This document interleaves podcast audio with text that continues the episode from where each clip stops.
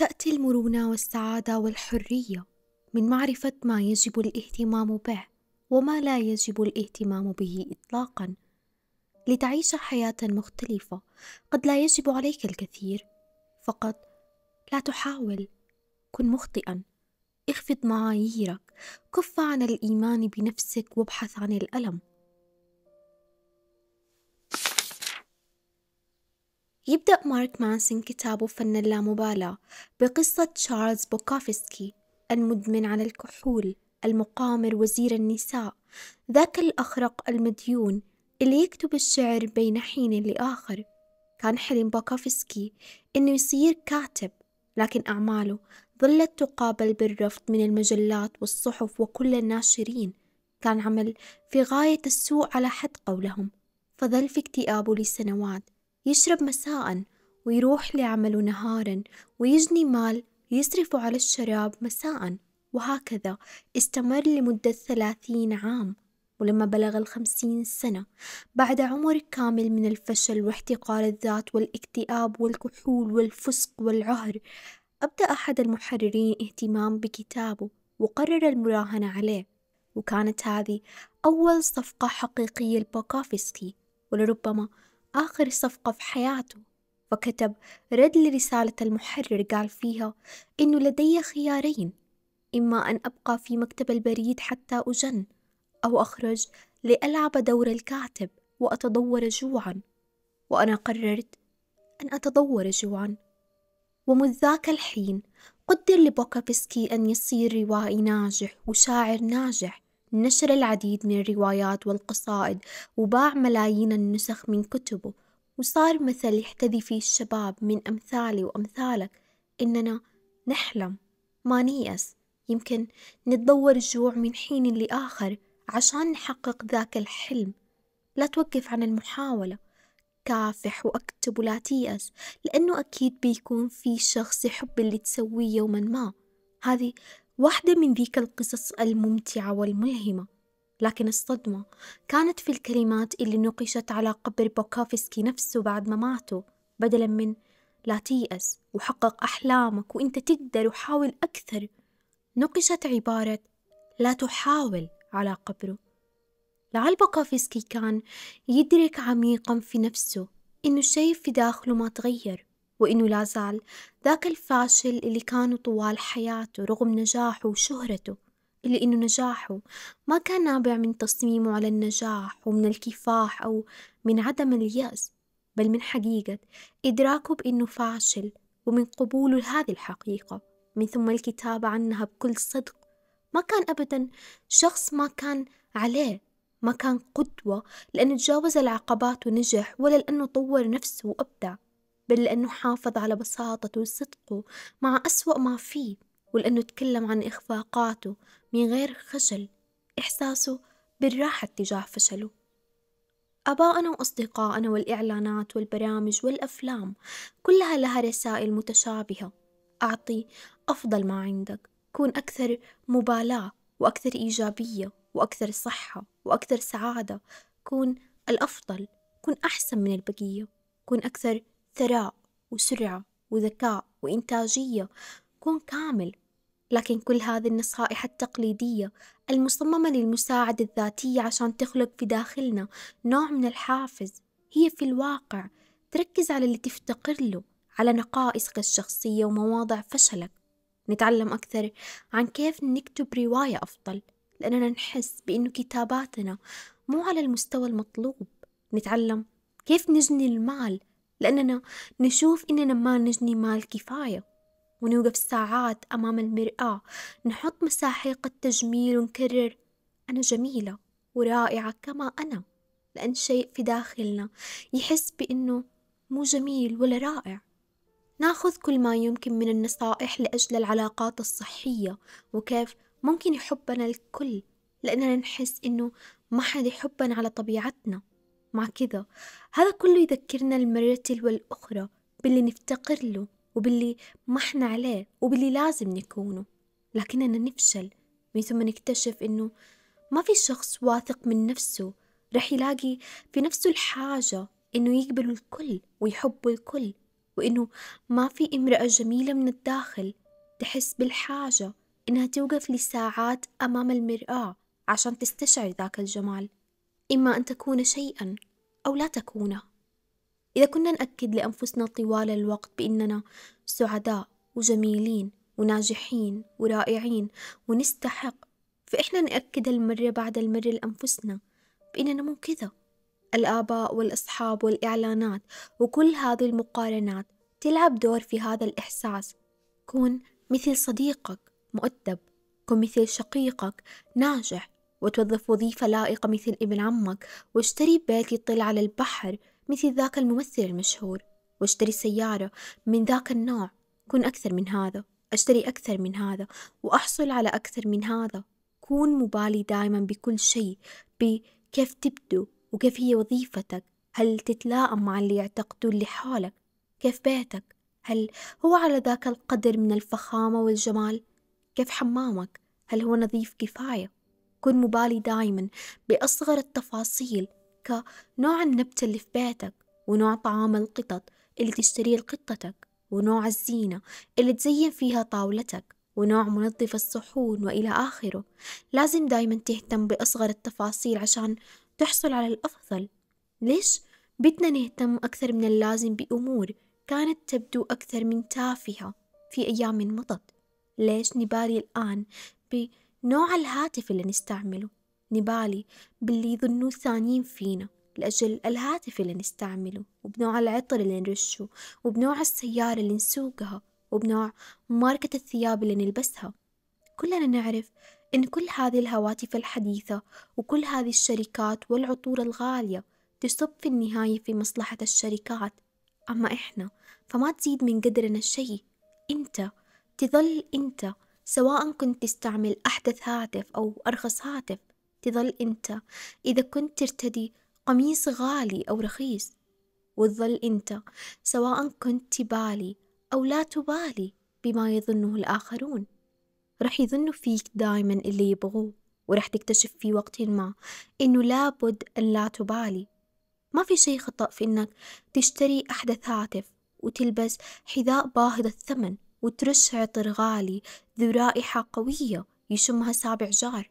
لكن الخطأ في المبالغة في الاهتمام بكل هذا في التعلق الزائد بالسطحيات. تكريس أنفسنا لملاحقة سراب سعادة أو إحساس بالرضا.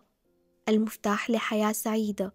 مو إنك تهتم أكثر بهذا وذاك بل يمكن تهتم أقل بهذا وذاك. تهتم باللي هو حقيقي وفعلا مهم.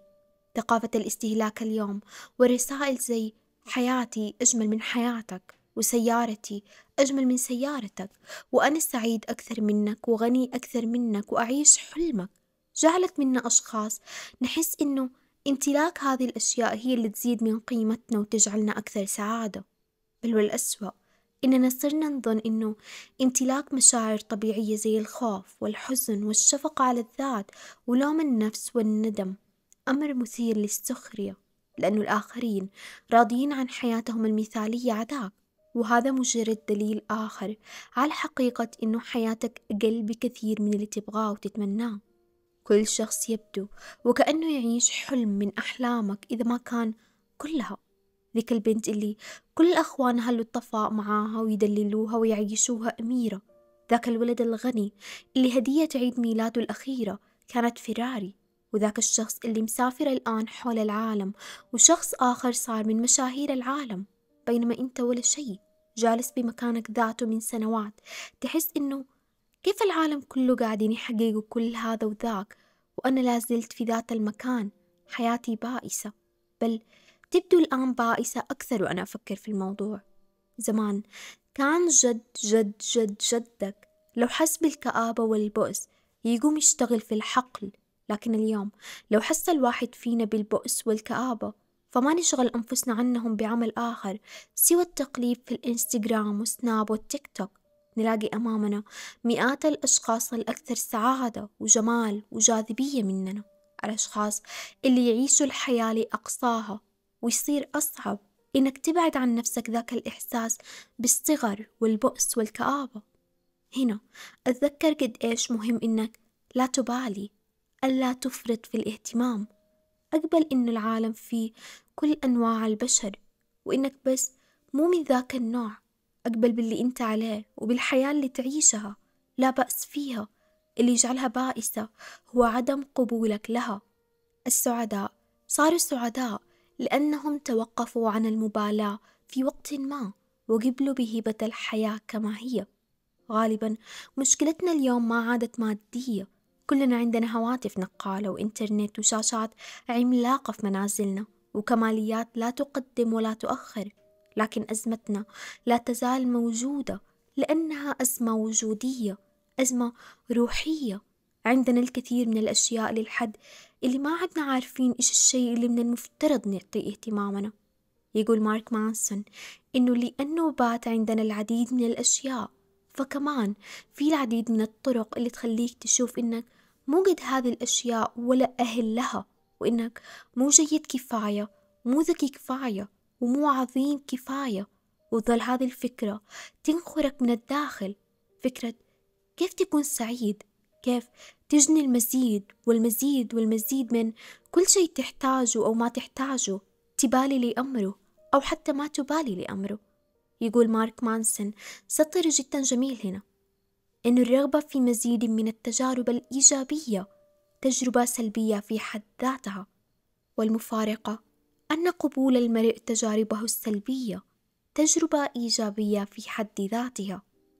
وهذا لربما ما يسمى بالقانون التراجعي فكرة إنه كل ما سعيت لإنه يكون إحساسك أفضل طيلة الوقت كل ما تناقص رضاك لأنه ملاحقة شيء.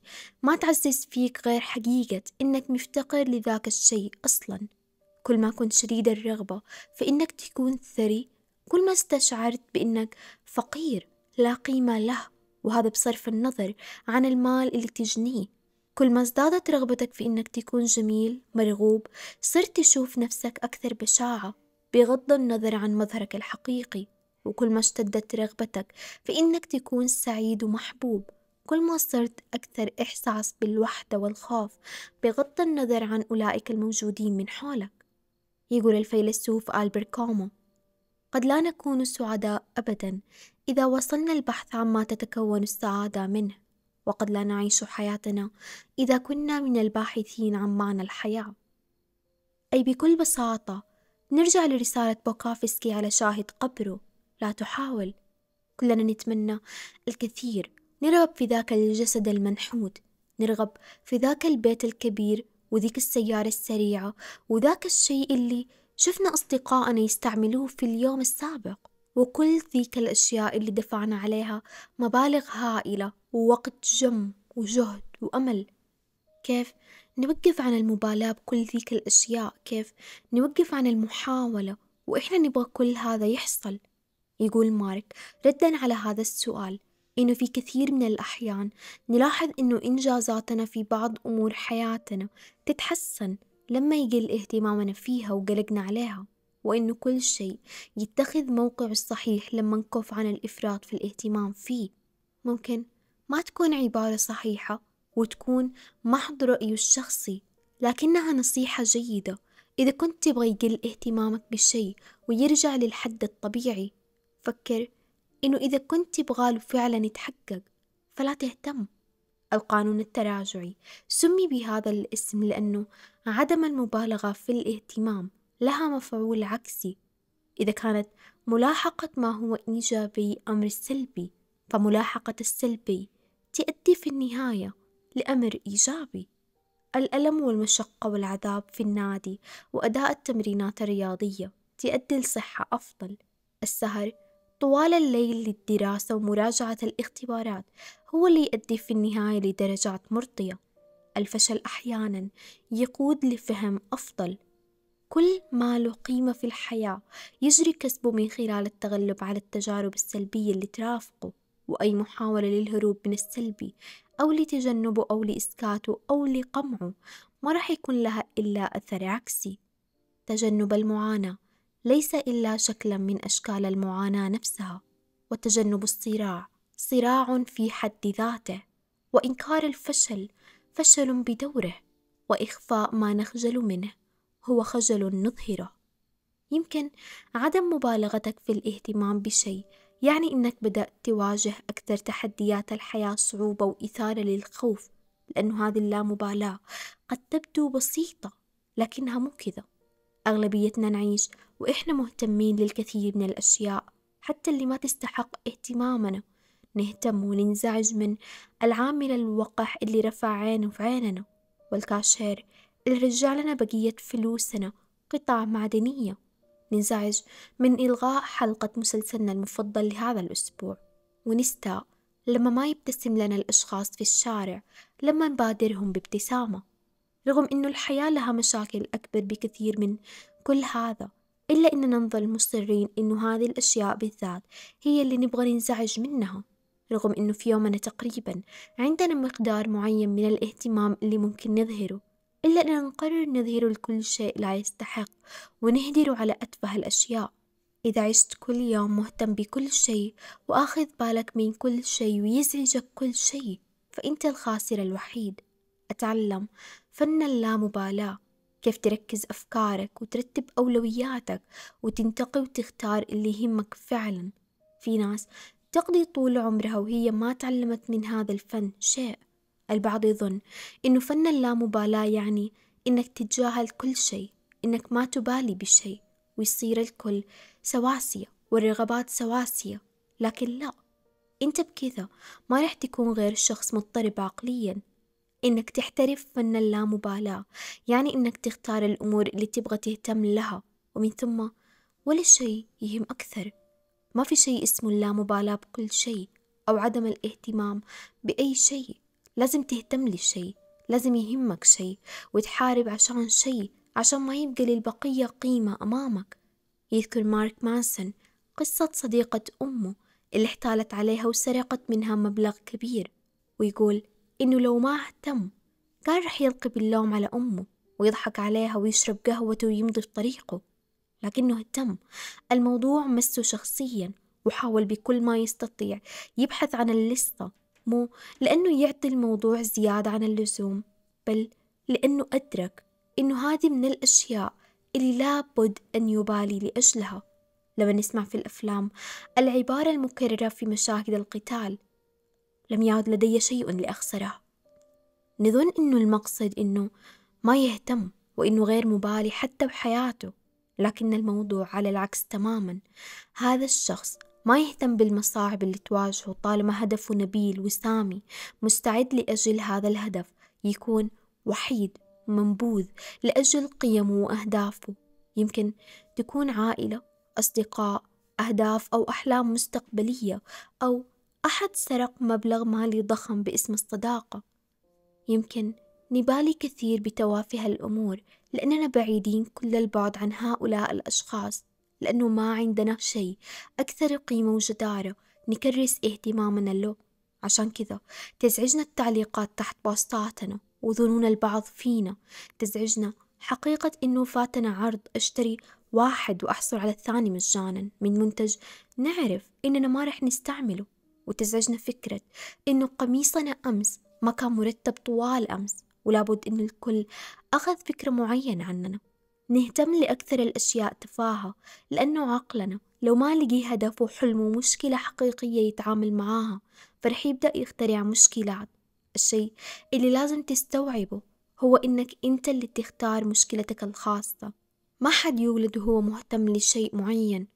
الشيء اللي لازم تستوعبه هو إنك أنت اللي تختار مشكلتك الخاصة أنت اللي تختار الشيء اللي تهتم له وتبالي لأجله إذا سألت أي إنسان إيش هدفك في الحياة فممكن تتزاحم الأهداف لكنها لا تخلو من السعادة والاستقرار لكن إذا استثنينا السعادة جانبا فإيش هو الاستقرار؟ يروى أنه منذ زمن بعيد في النيبال كان يعيش ملك أراد أنه يعيش طفله اللي على وشك الولادة حياة كاملة مرفهة تلبى فيها احتياجاته ورغباته ونزواته في كل وقت ما كان يبغاله يذوق قطرة من المعاناة فشيد أسوار عالية حول القصر. وفعلا ولد الأمير وكبر بدون ما يعرف أي شيء عن العالم الحقيقي لكن كان دايما في داخله توق إنه يعرف إيش فيه في خارج القصر. لأنه الأمير كان يحس بالملل من الترف. صار يحس بأنه كل تجربة يمر فيها فارغة وبلا قيمة وبلا معنى بل وغير كافية. في ليلة أتسلل وخرج من القصر فرأى المعاناة في العالم الحقيقي. شاف المرض والجوع والتشرد والموت ثم رجع للقصر يلوم أبوه الملك إنه ما عرف عن المعاناة في العالم الحقيقي. وإنه كان يعيش في كذبة كبيرة وإنه لهذا السبب كانت تبدو حياته عديمة القيمة والمعنى لأنها مزيفة ومنظمة بعناية. ولأنه هذا الشبل من ذاك الأسد قرر يهرب من القصر بل قرر أنه يخرج من كل هذا الترف ومن هذه الجنة ويعيش في جحيم. فما اكتفى بالهرب بس بل تنازل عن ملكه وممتلكاته وافترش الشوارع وجوع نفسه وعذبها وتسول لأجل بقايا الطعام وعاش سنوات طوال على هذه الحال من أقصى درجات النعيم لأقصى درجات العذاب. لكنه مع الأسف ما لقي المعنى اللي خرج يبحث عنه. كل اللي صار يعرفه هو اللي نعرفه كلنا عن المعاناة والفقر والمرض إنها أمور كريهة ما حد يرغب فيها حبا ويختارها اختيارا. فإيش المغزى إذا ما كانت السعادة لا هنا ولا هناك. خلص بعد تفكير طويل إلى إنه الحياة نفسها نوع من أنواع المعاناة يعاني فيها الأثرياء بسبب ثرائهم ويعاني فيها الفقراء بسبب فقرهم والمرضى بسبب مرضهم يعاني فيها من اللي ما عندهم عائلة ويعاني فيها الكبير والصغير والفتاة والشاب ورغم إنه في معاناة أشد من الأخرى. إلا إنها لا زالت في النهاية معاناة. المعاناة والألم والخسارة أمور لا مهرب منها ولا فائدة من مقاومتها. هذه كانت فلسفة هذا الأمير بعد كل هذه التقلبات الحياتية ويصير فيلسوف بعدها يسمى بوذا. القلق وعدم الرضا جزءان أصيلان من الطبيعة البشرية مكونان ضروريان لخلق سعادة مستقرة. مين فينا ما يكره الألم كلنا نكره الألم لكنه هو ذاته اللي يعلمنا نتفادى الألم في المرة القادمة. لو ما تلسعنا من القدر الحار وإحنا صغار كيف كنا بنعرف إنه الحار مؤلم؟ لو ما طحنا من فوق السرير كيف بنعرف إنه الحواف خطيرة وإنه السقوط مؤلم؟ الألم يساعدنا في فهم حدودنا وعدم تجاوزها يعلمنا إنه ما نلعب بالنار وإنه ما ندخل أي جسم معدني في المقابس الكهربائية. الخطيرة اليوم إننا قاعدين نجنب أنفسنا الألم بشتى الطرق. نجنب أنفسنا المعاناة الناجمة عن منغصات الحياة اللي لا مهرب منها. ونخسر بكذا كل الفوائد الناتجة عن تلقي جرعات صحية من الألم. وهذه خسارة تجعلنا منفصلين عن واقع العالم اللي حولنا. حلوة فكرة السعادة الأبدية. والحياة الخالية من الألم لكنها مو حقيقية. الحقيقة إنه الحياة كلها مشاكل وهذه المشاكل ممكن تختفي لما نختار بس إننا نهتم بمشكلة ثانية. بمجرد ما نحل مشكلة فإحنا بكذا نخلق مشكلة جديدة نبدأ في محاولة حلها. أعجبتك فتاة وهذه مشكلة لأنك ما تعرف إذا كانت تبادلك المشاعر أو لا. تحاول تحل المشكلة وتبادر فتكتشف إنها تبادلك المشاعر نفسها. ترتبطوا ومن ثم تظهر مشكلة جديدة محاولة فهم هذه الفتاة والتعايش معها مشكلة غيرتها مشكلة طلباتها مشكلة هرموناتها مشكلاتها مع صديقاتها مشكلاتها مع إنك ما عندك الوقت الكافي لها وهلم جرة المشكلات ما توقف بل إحنا نغيرها. أو نتركها تتفاقم. ما تعثر على السعادة الحقيقية إلا لما تلاقي المشاكل اللي يمتعك وجودها المشاكل اللي تستمتع بحلها. فإيش هي مشكلتك اللي تستمتع بحلها؟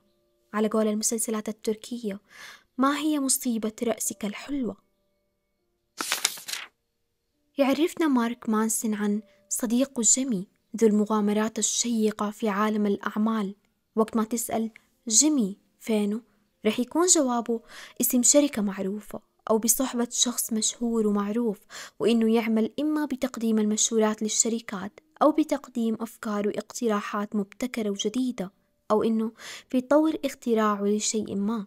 كان جيمي شخص دائم العمل والحركة كثير الانشغال إيجابي بشكل لا يصدق. لكن الحقيقة اللي ما تعرفها عن جيمي هو إنه مجرد شخص فاشل كثير الثرثرة طفيلي محترف يعيش على المال اللي يتعب على جني الآخرين من أصدقاء وعائلة ومستثمرين. كان جيمي ما يسمع للسخرية أبدا ولا يلقي لها بال. كان يعاني من ثقة وهمية مرتفعة بالنفس. كان يشوف إنه الكل يحسده وما حد يتمنى له الخير. عشان كذا الكل يثني عن عمله هذا. جيمي هذا هو صديق مارك مانسون. وصديقي وصديقك أنت كمان. كلنا عندنا من هذا الجيمي في حياتنا. أمنيتنا إنه ما نكون إحنا جيمي بشحمه ولحمه. كانت مشكلة جيمي إنه مؤمن بالهراء اللي يتكلم عنه. فكان من الصعب إنه تقوله ببساطة إنه هذا خطأ. في الستينيات انتشر مفهوم تقدير الذات وأشارت الأبحاث إلى أنه الأشخاص اللي يقدروا أنفسهم ويقيموها تقييم عالي يكونوا أصحاب أفضل أداء. وهذا أكيد رح يؤدي لنسبة جريمة أقل نسبة بطالة أقل والكثير من الأمور رح تتحسن لأنه مشاعر الكل عن أنفسهم إيجابية. فنشأت قناعة عند الكثيرين مع الوقت أنه لابد من تقدير نفسك مع تشديد الأهل على هذه النقطة والمعالجين النفسيين والسياسيين والمدرسين. ألين وصلنا النقطة؟ بعد الكل فيها يحس بأنه مو بس ذا تقدير عالي بل إنه فريد من نوعه واستثنائي لكن إلى أي حد يفيدنا هذا الإحساس بالتقدير العالي لأنفسنا؟ هل يغير من حقيقتنا الشيء إنه يكون لنا تقدير عالي لأنفسنا؟ بينما إحنا ولا شيء سوى طفيليين مجرد جميع آخر لا غير. يحس بأنه يستحق الأشياء الجيدة بدون ما يسوي شيء إنه رح يصير ثري بالصدفة لأنه يستحق هذا. وإنه يستحق يكون له علاقات كثيرة مع كل شخص يقابله بدون ما يبادر ويقدم المساعدة لأحد ويبغى يعيش حياة رائعة مثيرة ويحس إنه يستحقها بدون ما يضحي بشيء. مع الأسف يصير من الصعب إخراج أي شخص من هذه الحالة لأنه مين هذا الشخص اللي له رأي في شخصهم الكامل والمثالي؟ لكن هذا الإحساس مجرد فقاعة خاوية القياس الحقيقي لتقدير الذات مو معرفة كيف ينظر المرء لتجاربه الإيجابية بل السلبية لأنه يخليه يفسر كل شيء يمر فيه على إنه تأكيد لعظمته. صعب تخرجه من هذه الحالة النرجسية بل وتصير أي محاولة للنقاش مرهقة لك لأنك مجرد شخص غبي ما يفقه شيء مو قادر يستوعب قد إيش هم أذكياء وموهوبين وناجحين بل محور الكون والدليل. إنك تحاول تحبطهم ثم ينهوا نقاشاتهم بعبارات زي القافلة تسير والكلاب تنبح من دون ما يستوعبوا إنه مو راكبين قافلة وإنه أنت صديق وأخ وشخص يهتم لأمرهم مو كلب ينبح.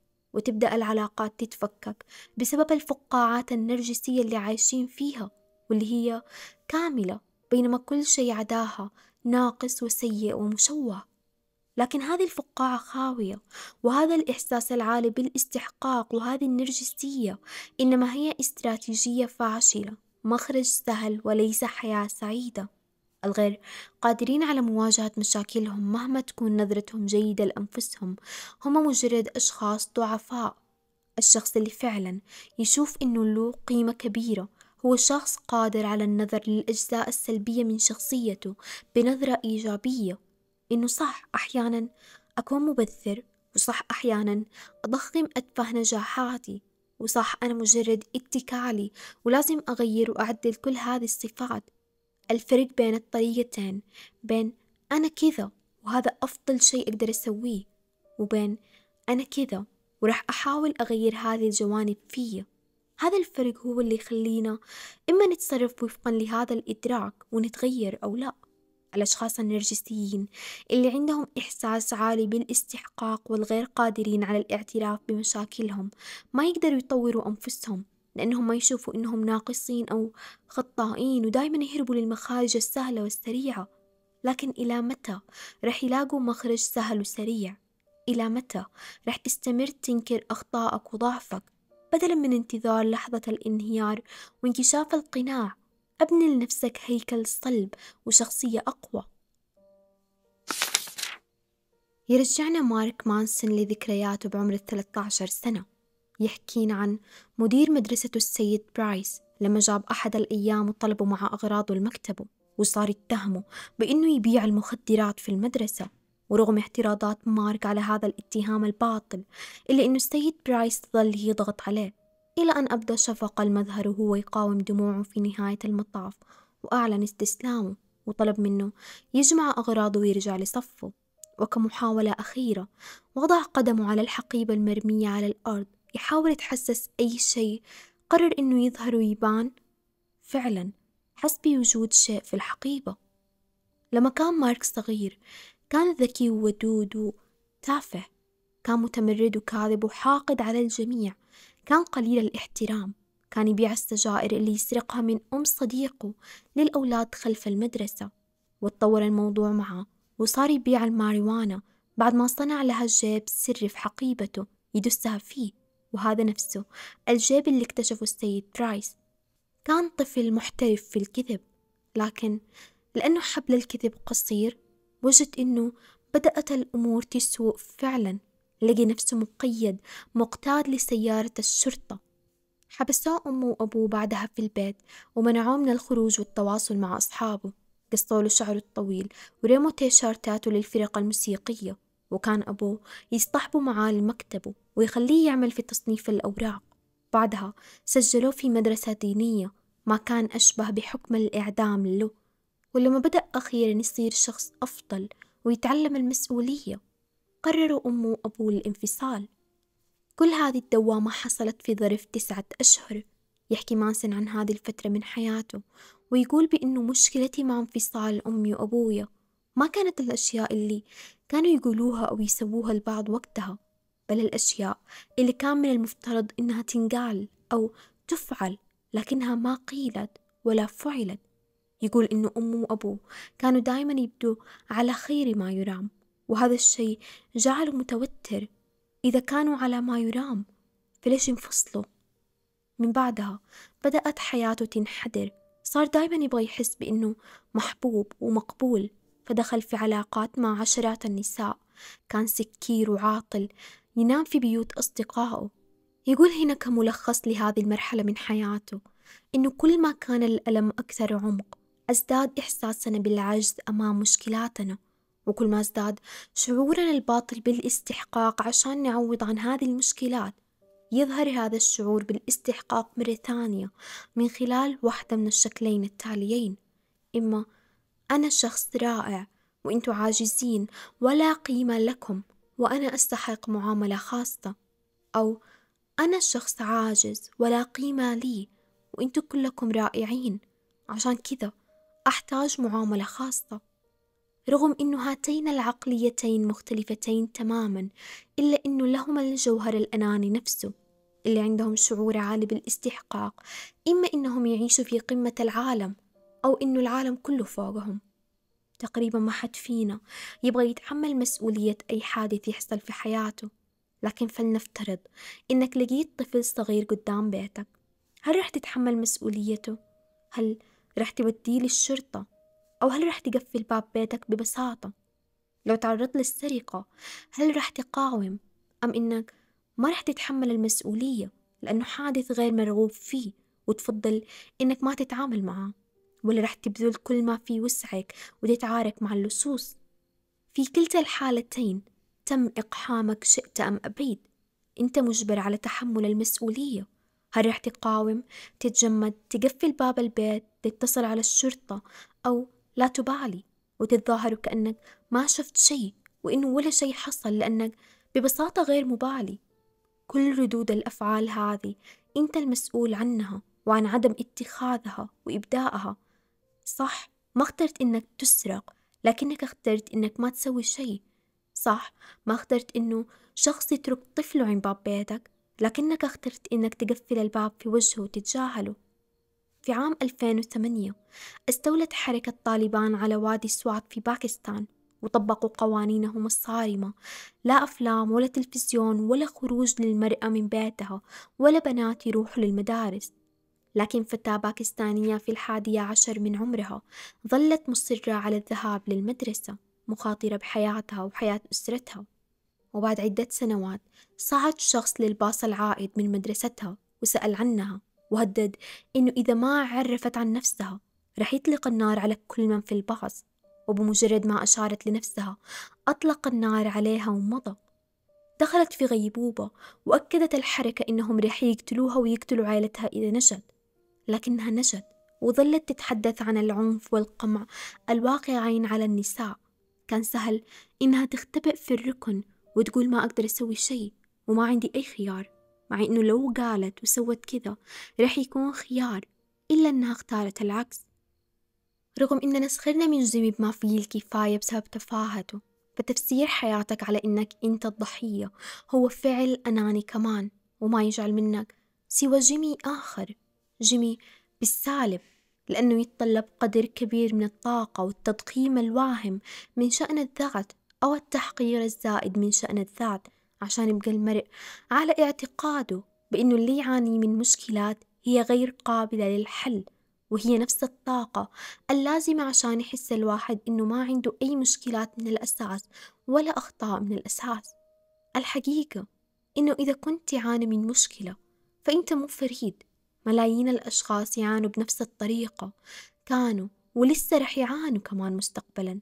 هذا ما يعني إننا نقلل من مشكلاتك ونقول بإنها غير مؤلمة لكن يعني إنك مو فريد ولا مميز. الكثيرين اليوم ينسوا هذه الحقيقة البديهية لأنه صار عندنا نقص في المرونة العاطفية. صرنا نحاول نشبع أنانيتنا أكثر صار عند أغلبيتنا شعور زائد بالاستحقاق. طالع حولك رح تشوف الأغلبية يا إما جيمي موجب أو سالب. هل إحنا مميزين فعلا ونستحق الاهتمام؟ أو هل إحنا الوحيدين الغير مميزين؟ ما يجعلنا مميزين بعدم التميز وهذا يستدعي اهتمام أكبر؟ لا أنت شخص عادي أنا وأنت وهم وكلنا أشخاص عاديين لأنه حتى إذا كنت استثنائي في أمر ما فأنت أقل من عادي في أمور أخرى كثيرة. ما عندك الوقت والجهد الكافي عشان تكون استثنائي ومتميز في كل الأمور. الشخص الناجح في مجال الأعمال فاشل في حياته الشخصية. الرياضيين ممكن يكونوا بليدي التفكير. المشاهير معدومي الخبرة في الحياة. زيهم زي كل شخص فينا. مع كذا نقلد كل شي يسووه. وكأنهم هم اللي يسووه بالطريقة الصح وإحنا ضايعين بدونهم. نقعد كل يوم أمام شاشاتنا نستقبل كل هذه المعلومات الاستثنائية. أفضل الأفضل وأسوأ الأسوأ. أقوى النكت وأكبر الإنجازات وأخطر المصايب والقصص. وكل هذا بدون توقف. لكننا ما نستوعب إنه الحياة الحقيقية في المنتصف الغالبية العظمى في المنتصف عاديين. لا أفضل الأفضل ولا أسوأ الأسوأ. هذا الفيض من المعلومات والصور والحيوات والقصص. خلانا نرجع نصيغ أنفسنا على نحو يخلينا نظن إنه الاستثناء هو المفترض. فإما استثنائي أو لا شيء لا مكان في المنتصف. ولأننا كلنا بشر عاديين نعيش في المنتصف في الحياة العادية.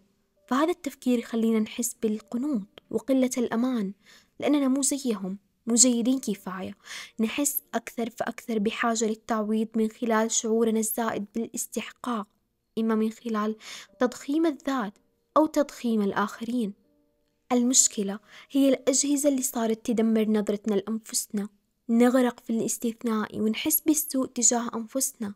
لازم نكون أفضل أكثر تميز وأكثر شهرة بدون ما نهتم لسبب شهرتنا أو سبب تميزنا. يكفي إنه ما نكون في المنتصف. صارت ثقافة اليوم المنتشرة. هو إنك أنت شخص مميز واستثنائي. كل المشاهير يقولوا كذا وكل ال life coaches وكل البوستات العشوائية تقول كذا. لكن هذه العبارة بحد ذاتها متناقضة. لأنه إذا كان كل شخص فينا استثنائي ومميز ففي النهاية ما حد استثنائي أو مميز. أتخيل إنك طالب في مدرسة وإنه الأستاذ قرر ينادي بس على الطلبة المتميزين يطلعوا على المسرح وانتهى وهو ينادي الطلاب الأربعين كلهم. فهل هذا يعني إنه بقي أي شخص غير متفوق أو مميز؟ رح يقل شعور الحماسة والتميز بعد ما تكتشف إنه الأربعين طالب كلهم شاركوك المسرح ورح تحس بإنك مو متميز لأنه ما سويت شي خارق أكثر عنهم.